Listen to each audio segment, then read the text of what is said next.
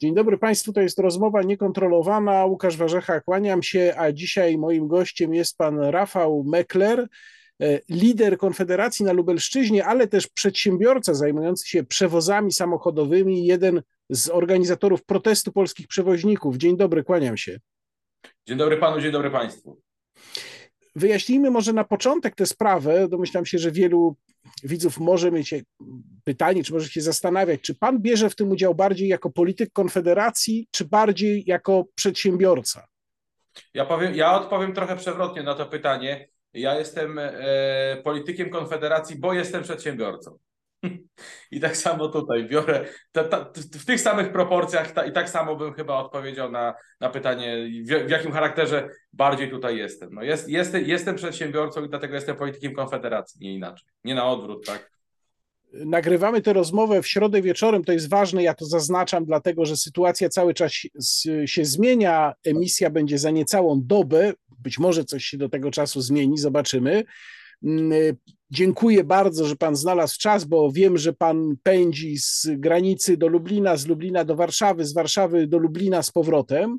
Natomiast chciałbym tak na spokojnie spróbować zacząć i zapytać najpierw o genezę tego całego konfliktu, bo przecież y, umowa pomiędzy Unią Europejską a Ukrainą, która zniosła wymóg posiadania zezwoleń dla ukraińskich firm transportowych, obowiązuje od czerwca 2022 roku.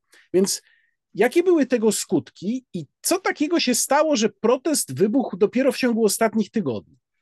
Ale to nie jest tak, że protest wybuchł w ciągu ostatnich tam kilku tygodni, bo proszę zwrócić uwagę, że my tak naprawdę jesteśmy po kilku protestach, to, e, bo w maju była blokowana e, granica, e, później we, w listopadzie, później w marcu objechaliśmy Warszawę ciężarówkami.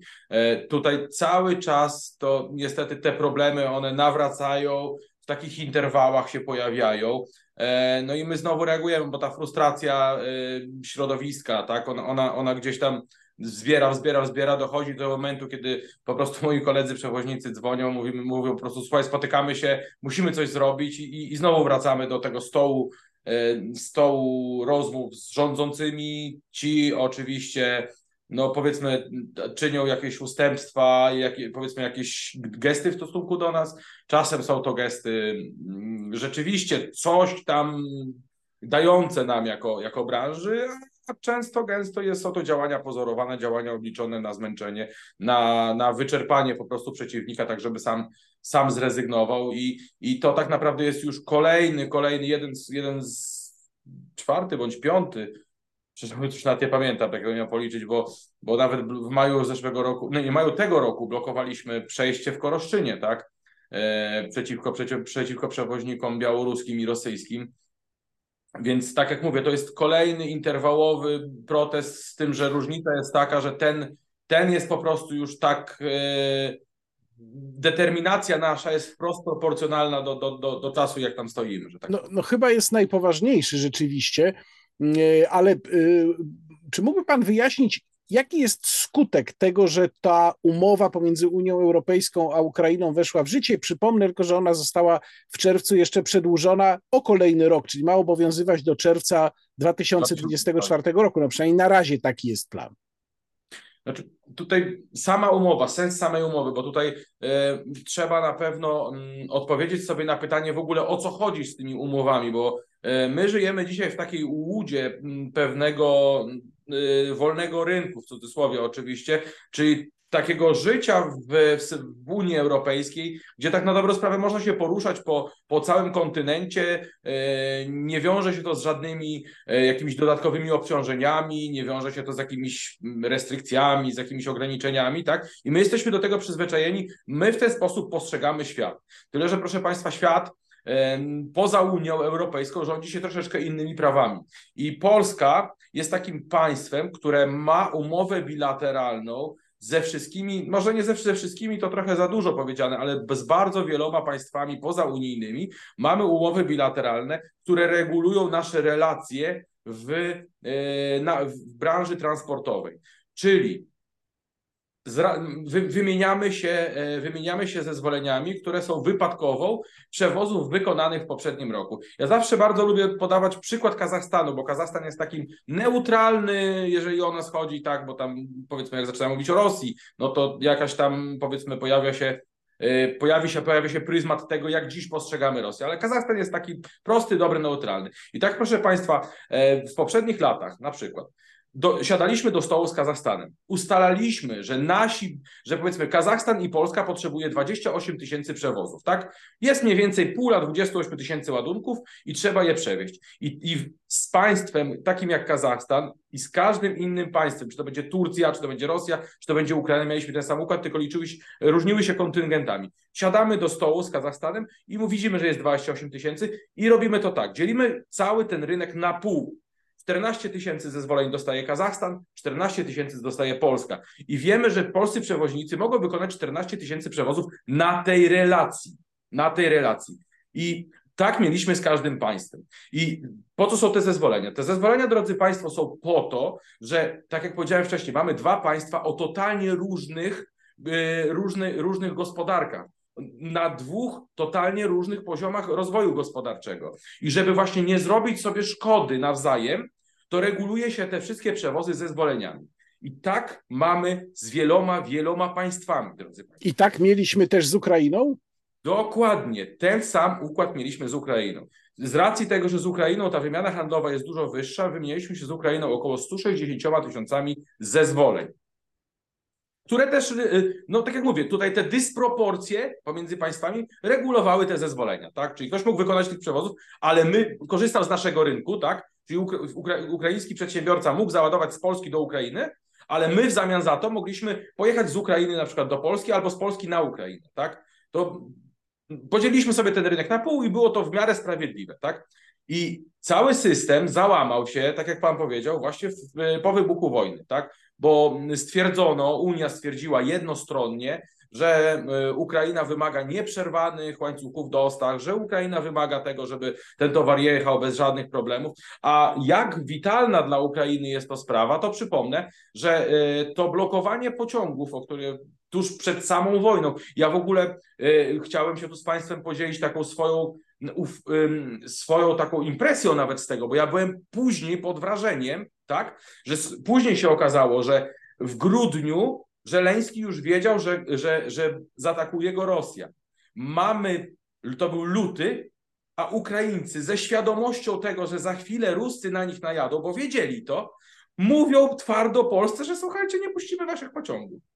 A przypomnę, że był to pociąg, który normalnie jeździ y, do Małaszewicz przez Białoruś. Tylko z racji tego, że się pokłóciliśmy z Białorusinami, chcieliśmy skorzystać z bratniej pomocy narodu ukraińskiego i pojechać przez e, szeroko, to koleją szerokotorową do, do, do Sławkowa LHS-em, dojechać sobie przez Ukrainę. Na co Ukraina powiedziała, że no nie, panowie Polacy, tak nie budę i stwierdzili, że no, zablokują nam te pociągi, dopóty, dopóki nie dostaną doda dodatkowego kontyngentu zezwoleń na te przewozy, czyli dostępu do naszego rynku. Ja tylko jeszcze przypomnę w ramach ciekawostki, że lat temu może jeszcze no, z 8-9 pamiętam wypowiedzi, gdzie był z Ukrainą był co roku impas o te zezwolenia, tak żebyśmy mieli jasność. Była nawet na stole, jed, pamiętam wypowiedź jednego z ministrów ukraińskich, który mówił, że dadzą nawet ekshumację, żebyśmy tylko im więcej dali zezwoleń na te przewozy. Więc tak witalna sprawa jest to dla Ukraińców, tak witalna sprawa. I teraz wybucha wojna. Mhm. Tak? A jakie było stanowisko w momencie, kiedy y, weszła sprawa zniesienia systemu zezwoleń? Jakie było stanowisko polskich władz? Y, ono musiało być wyrażone dwukrotnie, no bo mieliśmy pierwszą umowę i potem mieliśmy przedłużenie tej umowy. Tak, ja już, ja, no, no to, i to jest, to jest właśnie ciekawe, bo okazuje się, że pierwsza umowa została przyjęta przez aklamację. Czyli Polska musiała też być za. Tak, wychodzi. No, mieliśmy dzisiaj spotkanie z, pani, z panem ministrem, dość enigmatycznie się tłumaczył, ale można było odnieść wrażenie, że po prostu niewiele mieli w, tym, w tej kwestii tak jakby do powiedzenia. Ja odniosłem takie wrażenie. Na Mówimy już teraz o, o, nowym ministrze infrastruktury Alwinie Gajadurze, tak? Nie, mówię o ministrze Adamczyku, bo był dzisiaj na Komisji Infrastruktury. Opowiadał o tej sytuacji, ponieważ no, trochę go podstawiliśmy pod ścianą, e, opowiadał tak i można było odnieść wrażenie, że trochę mimo ich woli się to odbyło, trochę e, no, nie chcieli, trochę nie wiedzieli.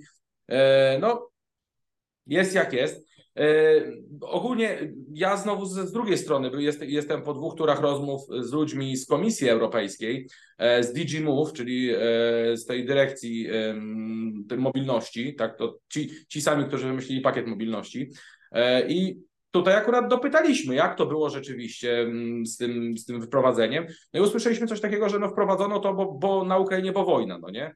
No okej, okay, no to pytamy, no w porządku, dobra, wojna, no ale to wytłumaczcie nam teraz, dlaczego zwolniliście także Mołdawię.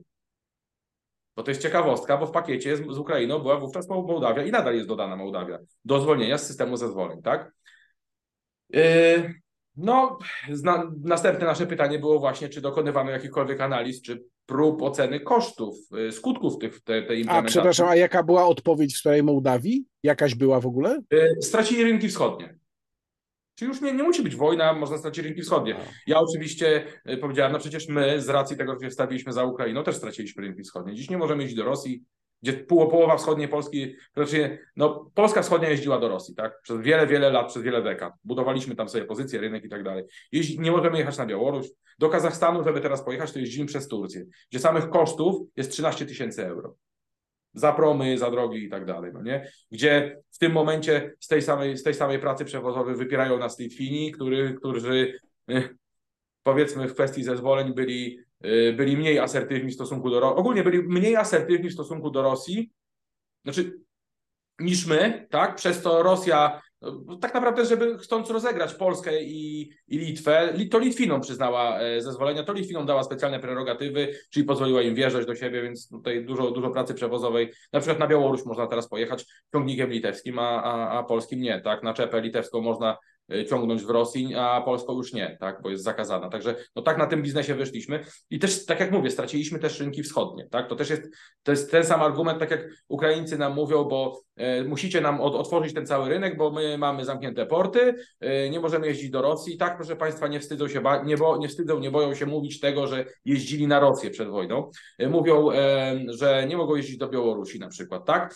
i Polska została im jedynym otwartym oknem. No przecież my, my jesteśmy w identycznej sytuacji i tak naprawdę naprawdę jesteśmy w tej sytuacji, bośmy się za nimi wstawili najzwyczajniej w świecie. A e, proszę jeszcze e, powiedzieć, a jak wyglądała sprawa z przedłużeniem tej umowy? Czy tutaj wiemy, jakie stanowisko zajął polski rząd w tym momencie?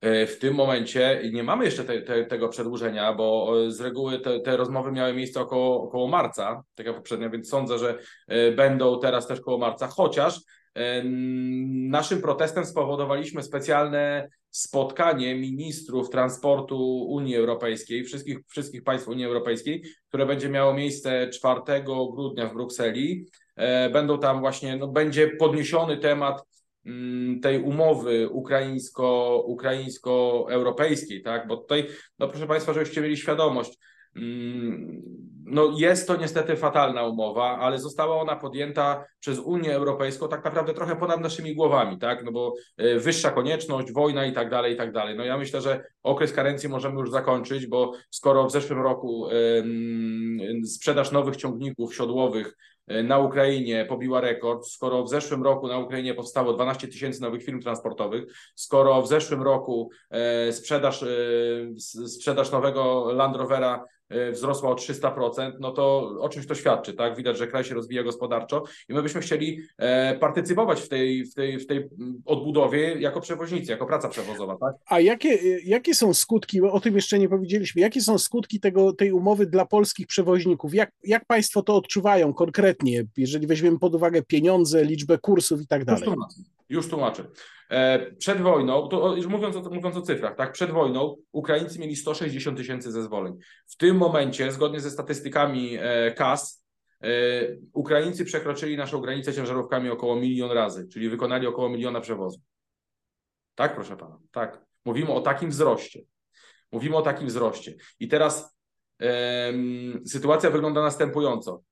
Różnica w kosztach.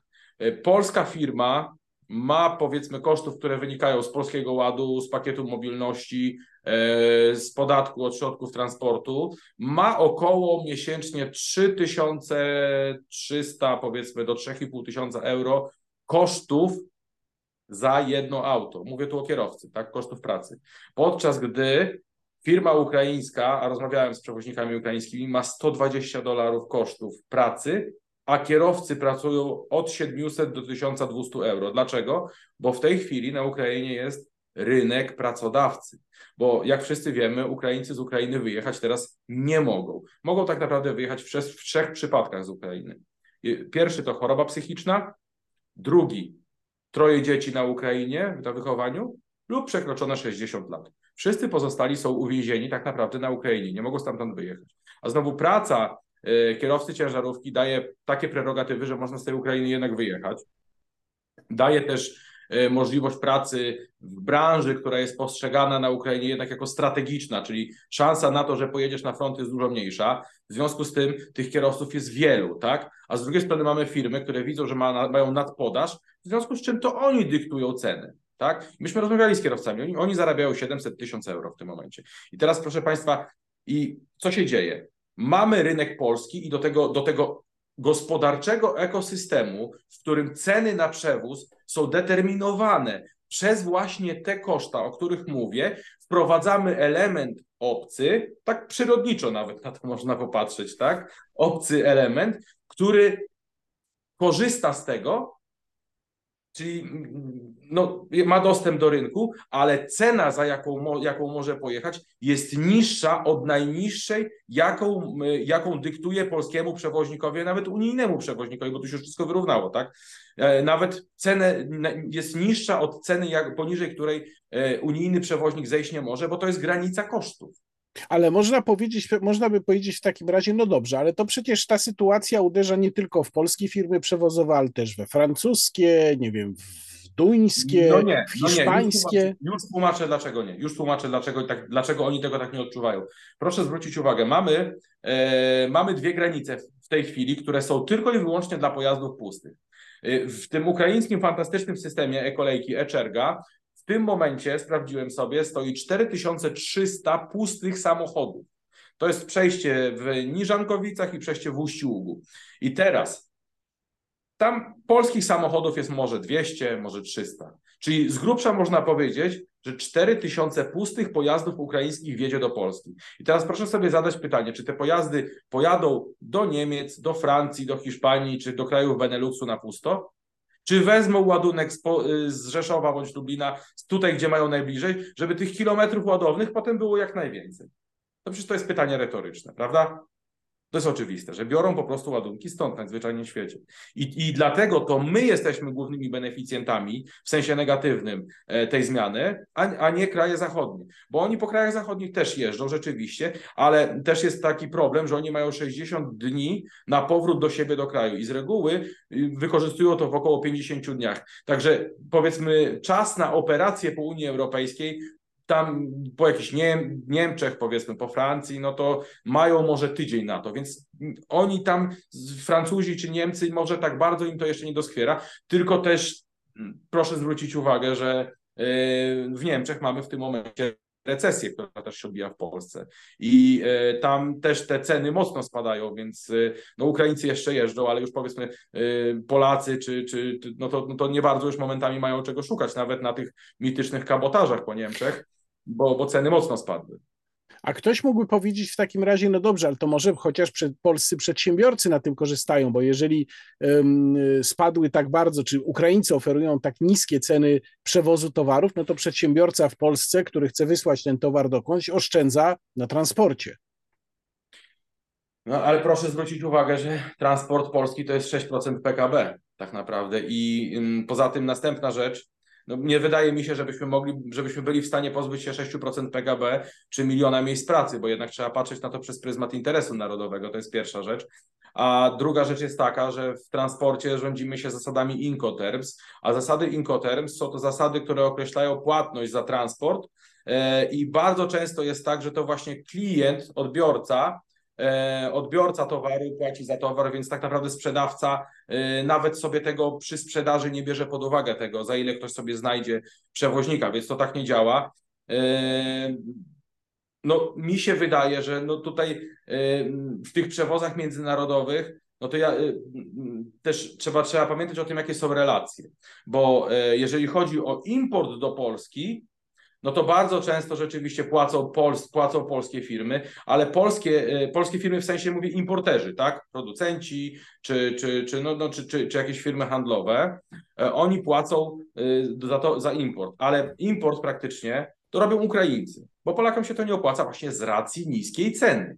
Natomiast eksporty z Polski to płac, płaci strona ukraińska. Więc chyba byłoby dobrze, żeby, żebyśmy to my pozyskiwali za granicą kapitał do Polski, tak? Bo nawet gdyby patrząc na to, oczywiście tak czysto laboratoryjnie, gdybyśmy potraktowali gospodarkę jako autarkię swego rodzaju, no to chyba jeżeli zdobywamy kapitał z zewnątrz, no to mamy pieniądza więcej, tak? Wypracowanego, nie, nie wydrukowanego, tylko wypracowanego, czyli, czyli się bogacimy, prawda? Więc w naszym interesie jest to, żebyśmy jak najwięcej pieniędzy z zagranicy pozyskiwali i w naszym interesie jest to, żebyśmy mieli polski transport, bo proszę zwrócić drodzy Państwo, że rzeczywiście krótkoterminowo być może jest to korzystne, jeżeli nawet ktoś znajdzie tańszego przewoźnika. Ale proszę Państwa, jeżeli odpadnie 6% PKB, to do Was przyjdzie e, kolejny rząd i powie: Słuchajcie, mamy dziurę w budżecie, brakuje nam 6% PKB, musimy Wam podnieść podatki.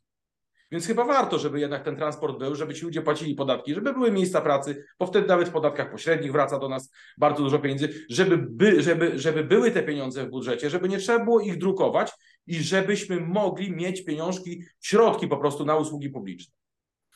Proszę teraz powiedzieć, jak zorganizowaliście tę blokadę, jak y, to się odbywa w praktyce, co tam się tak naprawdę dzieje, kto jest przepuszczany, kto nie jest przepuszczany. Y, dziś, w dniu, kiedy nagrywamy naszą rozmowę. Widziałem też, że na granicy są ustawiane kontenery. Rozumiem, że tutaj chodzi o to, żeby dać jakieś schronienie przed zimnem. Krótko mówiąc, co tam się dzieje od tych kilkunastu chyba dni już, prawda? 20, 23 dzień. Nawet więcej, no tak. 23 dzień. No, sytuacja wygląda tak, że mamy zablokowane w tym momencie przejście w Dorochusku, mamy zablokowane przejście w Chrebennem i mamy zablokowane przejście w Korczowej. Do tego dołączyli do nas w Medyce rolnicy. I to, przepraszam, to zablokowanie polega po prostu na tym, że polscy przewoźnicy ustawili swoje samochody, tak? Ustawili swoje samochody, ustawiliśmy, mamy bufory z y, policją poustawiane, czyli mamy, mamy kilkaset metrów do kolejki wjazdow, wjazdowej na Ukrainę i kilkaset metrów mamy ustawione, ustawione, ustawioną kolejkę wyjazdową z Ukrainy, czyli wjazdową do Polski. Także fizycznie koło nas nie stoi żaden samochód. E, I mamy, mamy ustalony grafik razem z policją. Puszczamy co godzinę żeby, żeby po prostu nie stać cały czas, żeby nie było chaosu, bo wiadomo, no jakiś porządek musi być. Mamy ustalone, że co godzinę puszczamy dwa auta, powiedzmy z ładunkiem komercyjnym, trzy auta na przykład, y, no to różne są ustalenia na różnych granicach z policją. Mówię ogólnikowo. Trzy auta powiedzmy z jakimś przewozem humanitarnym, jeżeli jest jakiś militarny, to też bez problemu jedzie i do tego jeszcze powiedzmy beczki z paliwem, dwie powiedzmy na przykład, no bo też nie możemy puścić naraz 15 aut na terminal, bo po prostu to by spowodowało chaos bo terminal może by to przyjął, może nie, no ale no po prostu za chwilę by nie było gdzie wjeżdżać, no bo 15 aut co godzinę, to przy normalnej kolejce tyle nie wjeżdża. Więc y, mamy po prostu system ustalony, który tworzy jakąś kolejkę, tylko że proszę zwrócić uwagę, że w tym momencie, no niestety, no, może niestety, niestety, y, Słyszy się bardzo dużo o tym, że mm, tutaj kierowcy tkwią godzinami, w strasznych warunkach są zakładnikami. No to ja mówię, no ta rozpędzona wojną yy, propaganda ukraińska no, zmieniła po prostu, zmieniła obiekt tej propagandy i teraz my jesteśmy celow, na celowniku tego, tak? Jako wróg. No mer, mer Lwowa, pan Sadowy y, mówi o tym, że nie wjeżdżają transporty wojskowe, nie wjeżdżają transporty humanitarne. Widziałem, że tu niektórzy Ukraińcy, Ukraińcy mieszkający w Polsce też zaczynają te informacje powtarzać. Szeroko się rozeszła ta wiadomość o kierowcy, który miał podobno umrzeć tam w kolejce ukraińskim kierowcy. Y, rozumiem, że pan mówi o takich właśnie y, informacjach, czy informacjach w cudzysłowie? Tak, tak, tak. tak. Ja tylko Odsyłam wszystkich na mojego Twittera czy Facebooka. Wrzuciłem e, dzisiaj bodajże artykuł z Wirtualnej Polski, gdzie dziennikarze pozwolili sobie przeprowadzić drobne śledztwo i okazuje się, że dziennie transportów humanitarnych wjeżdża dziś więcej niż przed protestem. Na przejściu w Korczowie na. Polecam Wirtualną Polskę. Następna rzecz. Kierowca, jed, rzeczywiście były dwa przypadki kierowców. Pier, e, śmierci kierowców. No mi jest bardzo przykro, no nic na to nie mogę poradzić, nie, nie miałem na to wpływu, wbrew temu, co mówią Ukraińcy.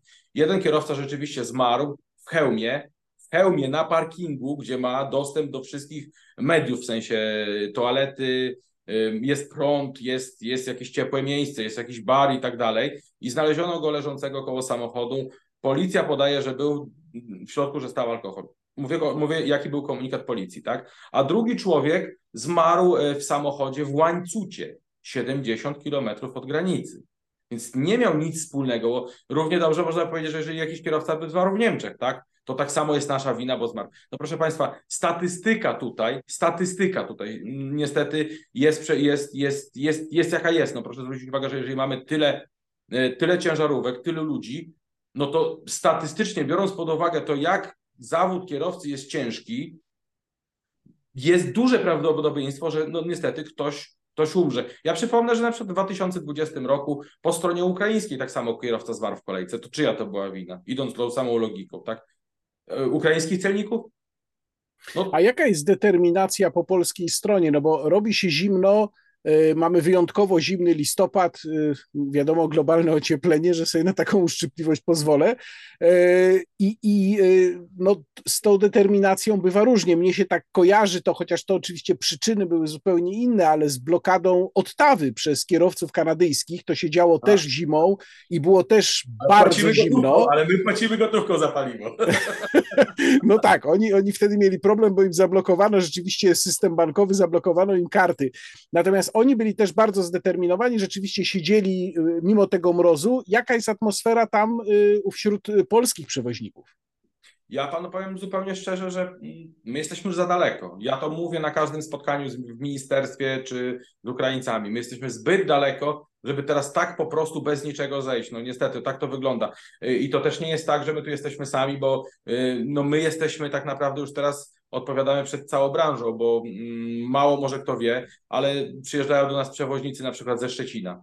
W zeszłą sobotę byli ludzie, którzy przejechali 900 kilometrów po to, żeby spędzić z nami dwa dni na granicy.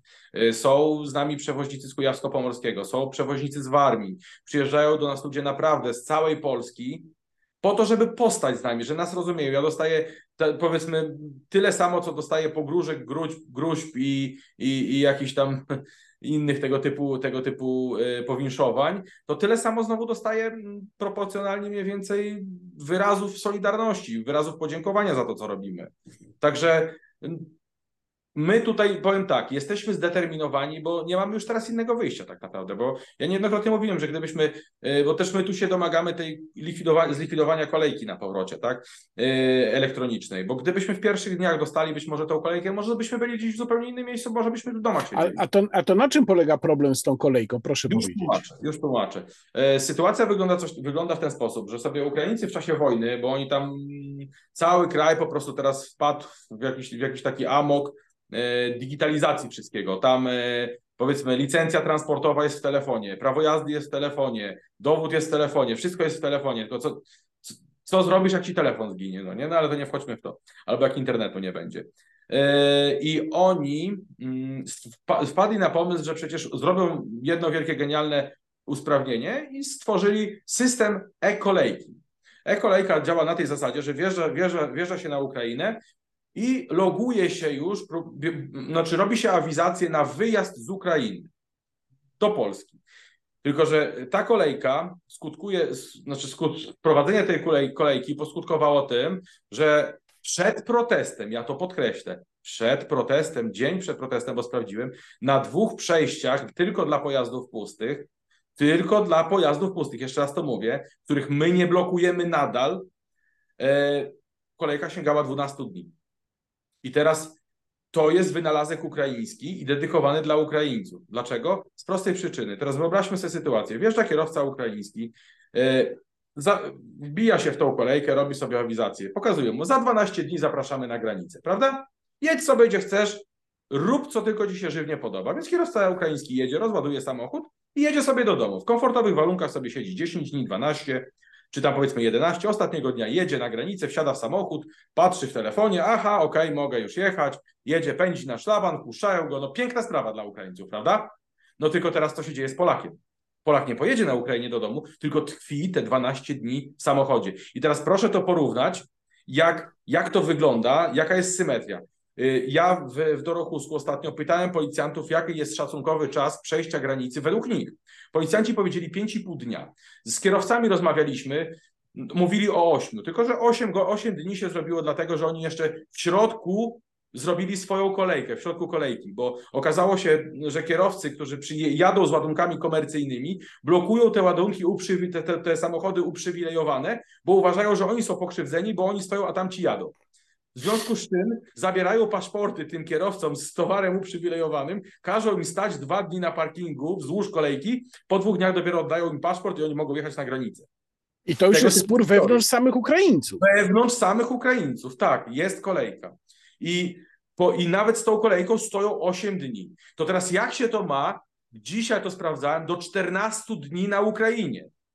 Na przejściu, którego, proszę Państwa, nie blokujemy. Jak się to ma? No nijak. No nijak. Ale oczywiście to my jesteśmy terrorystami, a kierowcy ukraińscy są męczennikami, drodzy Państwo. A jak się zachowują kierowcy ukraińscy? Widzieliśmy różne sceny, y, one były w wiadomościach pokazywane i krążą po internecie. Kilka takich, w których y, widać było, że polska policja powstrzymuje prawdopodobnie jakąś grupę ukraińskich kierowców, którzy nie wiem, co mieli zamiar zrobić. No, pan jest na miejscu prawie przez cały czas jak to wygląda? Jaka tam jest atmosfera po tamtej stronie? Znaczy sytuacja jest taka, no tutaj należy pamiętać o tym, że są no, poziomy frustracji są bardzo wysokie, to się nie ma co dziwić, tak? Tylko, że z drugiej strony, no sensem tej blokady jest uciążliwość tej kolejki, no więc gdyby było łatwo i przyjemnie, bezboleśnie, no to przecież nikt by na, na nas uwagi nie zwrócił. No, no, no, no tutaj przykro mi bardzo, ale tak jak nasi kierowcy po ich stronie stoją, czekają, są lewarem jakimś na nas, tak samo oni są lewarem na ich władzę, żeby coś zrobiła, żeby zlikwidowała tą kolejkę, bo my tak naprawdę domagamy się tego, co było przed wojną, czyli e, nie mamy problemu. Jeżeli Ukraińcy chcą, niech sobie stoją w elektronicznych kolejkach, robią co chcą. My, my chcemy na dwóch, trzech przejściach kanał z kolejką żywą, gdzie fizycznie podjeżdżamy, mówimy o pustych pojazdach tylko, żeby nie było, nie było mowy, bo Polacy praktycznie nie ładują powrotów, głównie Ukraińcy, więc mówimy tylko o pustych pojazdach, żeby polski pojazd, nawet unijny, bo tam proszę Państwa też tkwią w tych kolejkach Niemcy, Holendrzy, Szwedzi, bo przywożą różne, im różne, różne materiały jakieś humanitarne i są potem w ciężkim szoku, jak się dowiadują, że jest coś takiego jak kolejka i on się to musi, musi się tam po prostu zaawizować, a to, a to patrzy, Boże, 14 dni muszę jeszcze stać i każdy jest w szoku, no nie? No ale nie wchodźmy w to. E, i, I my chcemy tego, żeby po prostu była żywa kolejka, tak jak przed wojną, czyli przyjeżdżam pod szlaban, jestem trzeci do szlabanu, wiem, że jestem trzeci w kolejce. Przyjeżdżam, jestem dziesiąty, wiem, że jestem dziesiąty w tej kolejce. Tak? Ukraińcy, jeżeli chcą, to jest bardzo dobre dla nich na pewno, bo, bo ma wizowany wjazd, wizowany wjazd na granicę. Super sprawa, ale nie dla Polaków ale nie dla Polaków. Bo przed wojną wjeżdżało się maksymalnie na Ukrainę dwa dni, wyjeżdżało się z Ukrainy maksymalnie dwa dni. A teraz sytuacja wygląda tak, że po polskiej stronie nie ma e-kolejki, wjeżdża się w normalnej sytuacji nadal dwa dni, dzień lub dwa na Ukrainę, ale wyjeżdża się 14. Ale wracając, e, wracając do tego poziomu frustracji, czy y, rzeczywiście no. można zakładać, że gdyby nie jednak duża obecność policji, to by mogło dojść tak. tam do jakichś rękoczynów? Tak, tak. 100%, 100%, bo y, ci kierowcy no, oni chcą nas fizycznie usunąć z, tej, z tego protestu. A ja przypomnę, że protest jest legalny w pełni. Każda blokada jest w pełni legalna. Każdy protest. A ci ludzie po prostu no, chcą nas fizycznie znieść tego, bo mówią, że oni jadą do domu i tak dalej. Więc my im tłumaczymy, zróbcie to samo, co my robimy, jak jesteśmy u was, a potrzebujemy do domu pojechać. Zostawiamy samochód na parkingu, jedziemy autobusem do domu kończy się kolejka, przyjeżdżasz, jedź sobie, wjeżdżaj, tak, jedź, jedź na granicę i tak dalej, no coś takiego, no. Nie możemy na pewno e, tutaj też pozwolić na to, żeby, mm, żeby, żeby ci ludzie dyktowali nam w Polsce, jak my mamy protestować, jak my się mamy zachowywać, bo no przecież, proszę Państwa, nie ma obowiązku jechania do, na Ukrainę przez Polskę, można jechać przez Słowację, no zobaczymy jak długo, bo e, nasi słowaccy koledzy byli tam, zrobili blokadę, Niestety, e, no niestety tam sytuacja była taka, że, że właśnie Ukra policja dopuściła Ukraińców do blokady, no Ukraińcy tam zaczęli szarpać i z racji tego, że istniało realne zagrożenie e, pozbawienia życia, policja w konwoju wyprowadziła blokujących, ale wiem... Mówimy teraz o Słowacji, tak? Mówimy o Słowacji. Mówimy o Słowacji, tak, tak. Ale dzisiaj już dostałem informację, że Słowacy znowu będą podejmować kroki, żeby jednak już permanentnie na tej granicy stanąć, więc miejmy nadzieję, że miejmy nadzieję, że też się to uda. E, I Tutaj byłoby tak samo z nami, gdybyśmy ich dopuścili, tak? To na, no, jest policja, policja nas chroni, policja, policja nie dopuszcza tych ludzi do nas, no bo, no bo to, to wiadomo, że eskalowałoby. Co prawda do nas przychodzą ci kierowcy w grupach po dwóch, trzech, tak, próbują z nami rozmawiać, no, no tutaj ja przyznam szczerze, że faktem jest, że jeżeli zaczniemy rozmawiać z tymi ludźmi, przedstawimy nasze argumenty, że przecież my też jesteśmy tutaj w tym samym biznesie, yy, też bardzo często jesteśmy kierowcami, bo, bo, bo, bo u siebie się jeździ po prostu swoim autem i przedstawiamy naszą optykę, jak to wygląda z naszej perspektywy i jesteśmy się w stanie z tymi kierowcami dogadać. Oczywiście nie ze wszystkimi naraz, ale pojedynczo jesteśmy w stanie się z nimi porozumieć. Ja, gdzie e, przecież jestem nawet wpisany na tą listę e, mirotworca tego ich, tak, czyli jako wróg główny Ukrainy, po prostu no public enemy, tak, Miałem ostatnio taką sytuację, że przyszli Ukraińcy, na początku krzyczeli, krzyczeli, e, zacząłem z nimi normalnie rozmawiać, później sobie selfiki ze mną strzelali. No to tak to działa, tak? No, wiadomo, no właśnie, to, to, to mnie prowadzi do pytania, jak wiem, że ono może być trudne, ale wiele osób na pewno sobie to pytanie zadaje, czy tam widać jakiś taki no mm, antypolski sentyment, czy coś się przebija w tej postawie ukraińskich kierowców, czy raczej to jest y, zwykła ludzka frustracja, a przy bliższym kontakcie widać, że, że jednak jest, jest normalnie, że nie ma tam jakiegoś antypolskiego podłoża. Jak pan to interpretuje? Powiem tak, ile ludzi, tyle charakterów. E, aczkolwiek mm, był taki film, który, zrobił, no, który w tym momencie jest wiralowy, z Korczowej, gdzie policja też chcieli, chcieli się przedrzeć ci kierowcy do, do, do, do, no, do, do blokujących, do protestujących. E, policja ich zablokowała, no i zaczęli z frustracji tam krzyczeć sława Ukrainie, gierojom sława i było także śmierć lachom. Więc no tutaj yy, czy są jakieś resentymenty? No nie wiem, no wydaje mi się, że gdybyśmy mieli taką sytuację, powiedzmy w Niemczech, tak, i załóżmy, że niemieccy kierowcy by yy, rzeczywiście byli tak sfrustrowani, gdyby zaczęli krzyczeć yy, coś o, o malarzu, no to, no to raczej byłby skandal na cały świat, prawda? Czy gdyby zaczęto wykonywać jakieś gesty, które są powszechnie uznawane jako, jako zakazane, więc y, no, tak no, zwane no, zamawianie pięciu piw, tak? To... No właśnie, no właśnie, no właśnie, właśnie, właśnie. I byłby skandal na cały świat, tak? A tutaj no jest jak jest, no, no, no, no, no mamy, mamy, mamy to, co mamy. Ja nie sądzę, żeby bo proszę zwrócić też uwagę, że wśród tych kierowców są kierowcy z całej Ukrainy, bo ja zauważyłem jedną rzecz, że powiedzmy te resentymenty banderowskie, one dotyczą głównie części zachodniej Ukrainy. Mało tego, rozmawiamy z tymi kierowcami, ja rozmawiam z Ukraińcami, znam Ukraińców. Naprawdę to, to nie, nie jest tak, że to są wszystko źli ludzie, tak? Bo na przykład spotkałem się z taką opinią z Ukraińcami ze wschodniej Ukrainy, którzy mówią, że gdyby nie zachodnia Ukraina, to już by dawno się nie bili, no nie? Bo, no bo oni nie postrzegają Rosjan z takiej, powiedzmy, na tym poziomie e, wrogości, jak ci z zachodniej Ukrainy, tak? No tutaj też jest naród, ale, ale on ma tam różne prędkości, jeżeli chodzi o patriotyzm, że tak powiem. E...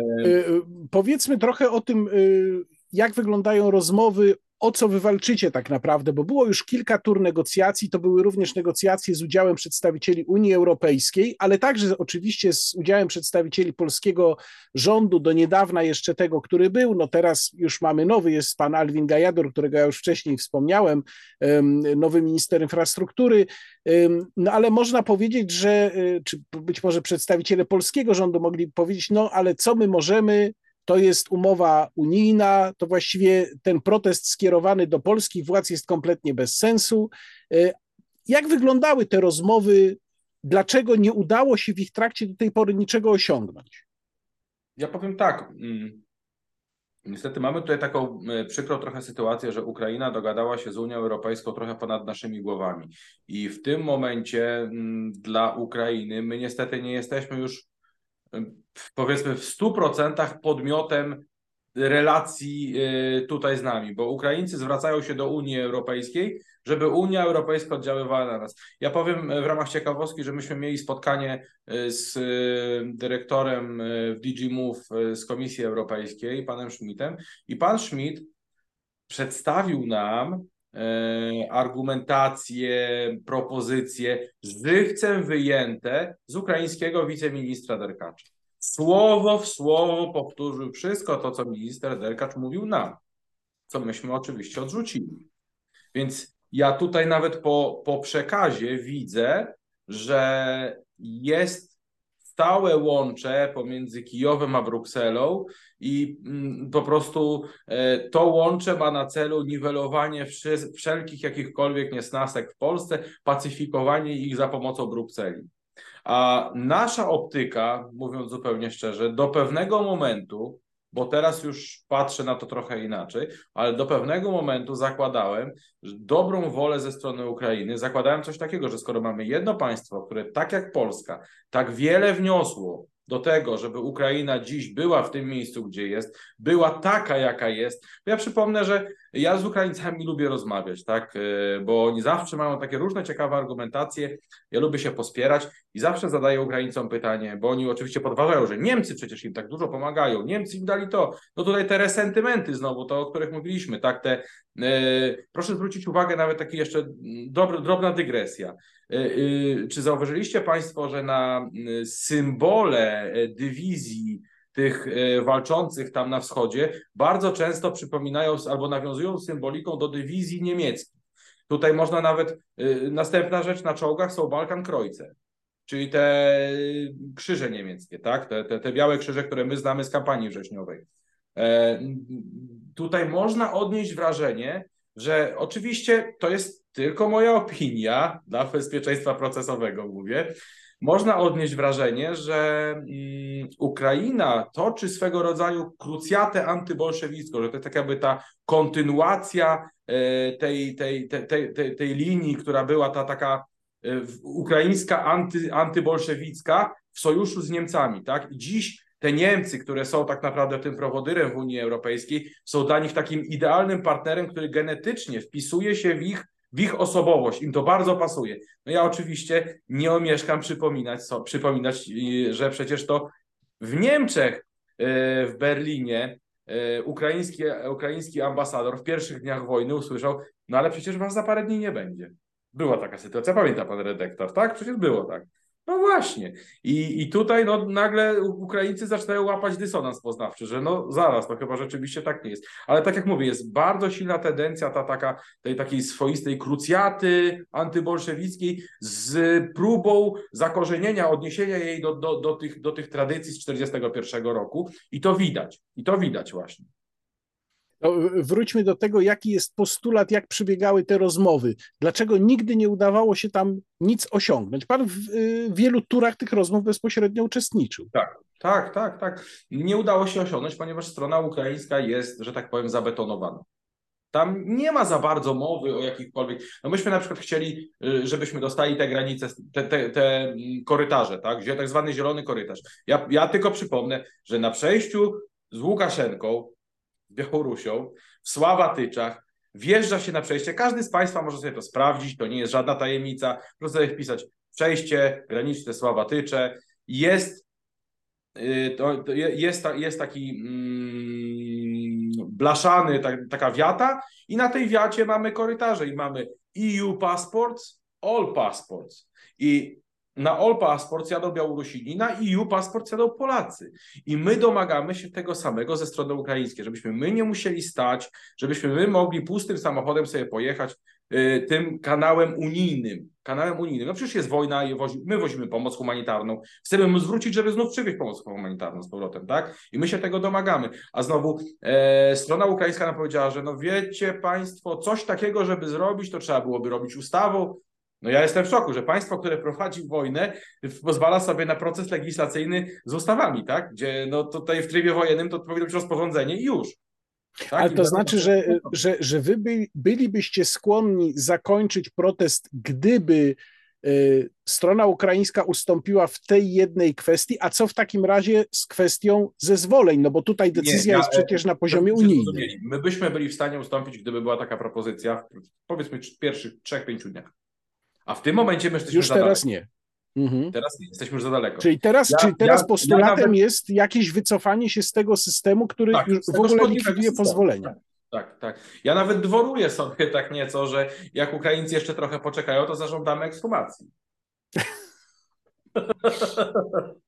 ale to żart oczywiście. No, chociaż chociaż, chociaż nie, to nie jest akurat powodem do żartu, ale, ale, ale prawda jest taka, że, że zastanów się zastanawiać, czy nie postawić tego, no bo i tak już widzę, że gramy o wszystko, no to grajmy już o, o wszystkimi kartami, tak? A jaka jest tutaj y, moc sprawcza samych Ukraińców? To znaczy, chodzi mi o to, czy sami Ukraińcy mogą y, zaproponować, zażądać od Komisji Europejskiej, żeby się wycofała z tej umowy? No bo rozumiem, że Wam chodzi o to, żeby albo ta decyzja nastąpiła po stronie Brukseli, albo ewentualnie, żeby Ukraińcy o tym rozmawiali z Brukselą, tak? Czy ja dobrze rozumiem? Tak, już tłumaczę. Była taka sytuacja na pierwszym spotkaniu, e, gdzie Ukraińcy oczywiście zrobili nam konwejer, tak? Czyli trzy godziny ładowania e, masy informacji i tak dalej, i tak dalej, po to, żeby nas zmęczyć. No ale okej, okay. Stara, stara, stara sowiecka metoda, stara szkoła e, dyplomacji, ja to znam, czytałem Suworowa, czytałem Bezmienowa, wie, wiem jak to działa, no nie? I, I, też no, rozmawiamy. No i oni mówią, że no tak naprawdę nie ma, nie ma w Polsce rządu, E, a tak naprawdę to Unia Europejska e, jest, jest tym, tym tak jakby adresatem, no to my w ramach riposty powiedzieliśmy, no ale przecież proszę Państwa, skoro jesteśmy takimi dla Was dobrymi sąsiadami, bo oni oczywiście tutaj deklaratywnie mówili, że w pełni pojmują nasze, naszą trudną sytuację, tak? Więc my mówimy, no to okej, okay, to skoro Wy rozumiecie, że jesteśmy w trudnej sytuacji, to może Wy byście po prostu do Unii wystąpili, że Wy chcecie się z Polską dogadać, tak? No to spotkało się, no nie, no tak to nie. A później oglądam e, wiceministra Derkacza, a on mówi, że przecież Polacy zażądali od nas, żebyśmy my sami wycofali się z Unii Europejskiej. No to absurd. Rozumie pan? No tak, taka sytuacja, no, no to tak się rozmawiać nie da, no przykro mi bardzo. Nie? A mówiąc zupełnie szczerze, ja sądziłem, że no dziś wiem, że mylnie, tak? Dziś wiem, że mylnie, e, że da się zrobić coś takiego, że nawet gdyby Unia e, postępowała tak, jak postępuje, e, no nie sądziłem, że będzie postępować trudno, no postępuje, to mamy tutaj dwa państwa, gdzie oba państwa, no można powiedzieć, że bardzo e, jedno państwo dało bardzo dużo drugiemu. No bo ja już nie mówię, e, nie mówię o kwestiach militarnych, tak, gdzie się rozbroiliśmy praktycznie dla nich. Nie mówię o tym, że domy im oddaliśmy, tylko mówię po prostu o tym, że gdyby nie my, już patrząc holistycznie, to Ukrainy by dziś nie było. Więc żądanie czegoś takiego jak podział sprawiedliwy nie znaczy na pół nawet w tym momencie, biorąc pod uwagę sytuację i biorąc pod uwagę wolumen, bo to nawet nie musi być koniecznie pół, tak?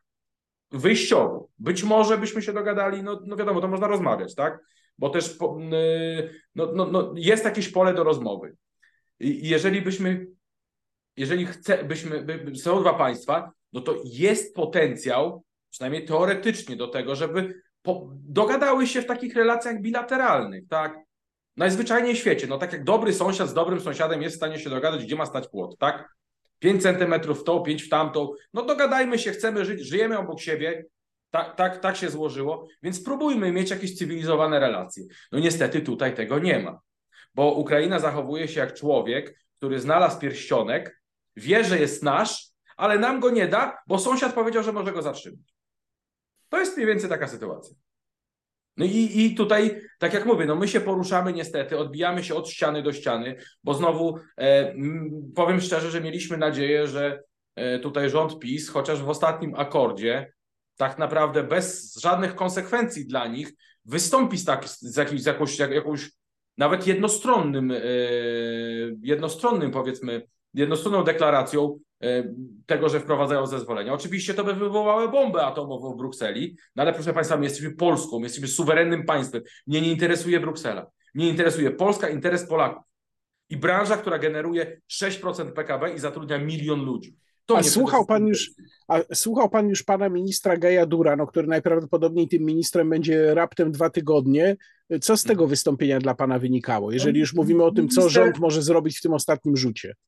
Dzisiaj mieliśmy taką sytuację, że część e, naszych kolegów, między innymi, znaczy ja poszedłem z paroma kolegami na Komisję Infrastruktury e, i w tym, a w tym samym czasie minister Gajadur innych naszych kolegów zaprosił do siebie tam na spotkanie z inspektorami. Oczywiście liczba osób była limitowana, no, ale rozdzieliliśmy się, no i e, powiedzmy minister Gajadur rozmawiał z naszymi kolegami, koledzy w zamian za mm, powiedzmy większą liczbę kontroli ciężarówek na drogach, y, za, za to, że po prostu no jednak zacznie dbać o polski transport, czyli powinien robić to, co powinien robić dużo wcześniej, tak? Dzisiaj, dzisiaj mówiłem to ministrowi ministrowi y, Weberowi, że przecież y, w Polsce skontrolowano 50, w zeszłym roku 58% polskich ciężarówek.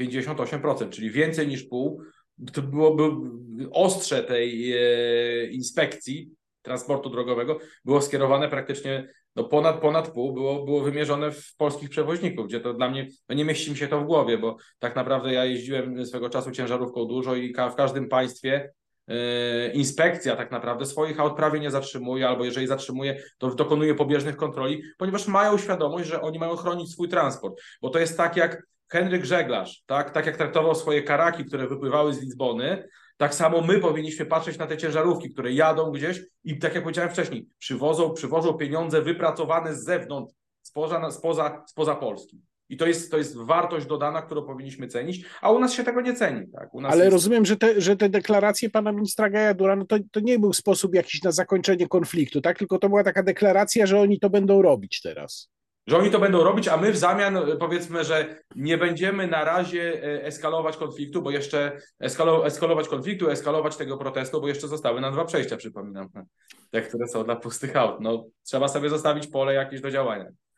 Ostatnie pytanie, czy y, w jakikolwiek sposób przedstawiciele nowej większości sejmowej się z wami kontaktowali, czy jakoś odnosili się do tego protestu? No wiem, że tam na granicy y, był pan Kołodziejczak, no, wybrany z listy bądź co bądź koalicji obywatelskiej, natomiast y, wątpliwe, żeby on jakąś rolę mm, rządową pełnił w najbliższym czasie, choć nigdy nic nie wiadomo oczywiście w polityce. Natomiast czy ktoś inny, ktoś z tych liczących się polityków nowej koalicji się z wami kontaktował?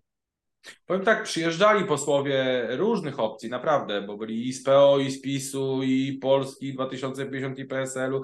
No tylko, że przejawiało się to generalnie tym, że przyjechali, zrobiły sobie parę zdjęć, pogadali chwilę i pojechali, tak? A tak naprawdę ja z racji tego, że jestem w Konfederacji, angażuję moich kolegów w te wszystkie działania, bo po prostu jest mi to potrzebne, tak? Bo tutaj bez tych działań politycznych nie zrobilibyśmy nic, a że no, na podorędziu mam wszystkich moich kolegów i są praktycznie e, do pomocy na telefon, gdzie była sytuacja na przykład w Korczowej, że o trzeciej w nocy poseł Braun odbierał telefon. No to, to, to, no to ja, dlaczego ja mam szukać kogokolwiek innego, jak mam takich ludzi, tak, takich ludzi tak naprawdę no, obok siebie? No, tak to wygląda. No, ci, ci pozostali no, no, mają taki stosunek różny. Tylko a propos e, e, tutaj moi koledzy, powiedzmy, którzy nie są, nie są zaangażowani politycznie albo nie są, nie są może aż tak świadomi politycznie, mówią, ok, wpuśćmy każdego, tak? Tylko, że proszę zwrócić uwagę, że ja pamiętam, jak to wyglądało z pisem jak myśmy robili w marcu protest, jak były w maju protesty, to my byliśmy dla rządu PiS nie, e, nie, nie powiedzmy obywatelami z problemem, tylko my byliśmy dla nich problemem, który trzeba jak najszybciej rozwiązać, żeby po prostu go zamknąć. I, tak, I my będziemy tak naprawdę, przykro to mówić, ale problemem dla nowo, nowo, nowo przychodzącego rządu. I mm, z racji tego, że tych zadań na pewno będzie bardzo wiele, bo, bo, no bo po, po, jak się po kimś bierze ministerstwo, to tam jest nagromadzone różnego bałaganu, dużo trzeba to sobie poustawiać i dojdzie do tego jeszcze problem taki jak z nami, no to każdy będzie chciał to jak najszybciej rozwiązać, tak? A no, jeżeli chodzi o protesty i mm, kulturę sporu, jeżeli chodzi o rząd PO, no to nie mamy najlepszych doświadczeń z przeszłości, pamiętamy górników chociażby, tak? No ja no, no, tylko tutaj jest jeszcze koalicja, więc może, może będzie dobrze. No nie jestem w stanie, powiem szczerze, yy, ocenić, no bo, no bo my nie wiemy tak naprawdę jeszcze z czym mamy do czynienia, tak? No bo nie ma ani rządu tak naprawdę, no, no, no wiemy mniej więcej kto jest ministrem, ale, ale, ale nie wiemy kto będzie, kto będzie, kto będzie tam powiedzmy dyktował, nadawał ton tak, te, te, te, tym działaniom, tak? No bo można, można działania prowadzić bardziej pasywne, można prowadzić działania ofensywne. A to zależy tak naprawdę od cech charakterologicznych człowieka, który będzie tym wszystkim rządził, czyli no, premiera. No najpraw najprawdopodobniej na nowy rząd będziemy musieli poczekać do 11 grudnia, może chwilę dłużej. Bardzo dziękuję za rozmowę dzisiejszą. Moim gościem był pan Rafał Mekler, przedsiębiorca z branży transportowej, współorganizator protestu na polskiej granicy i też lider Konfederacji na Lubelszczyźnie. Dziękuję bardzo. Dziękuję bardzo, pozdrawiam wszystkich. To była rozmowa niekontrolowana. Łukasz Warzecha, kłaniam się i do zobaczenia.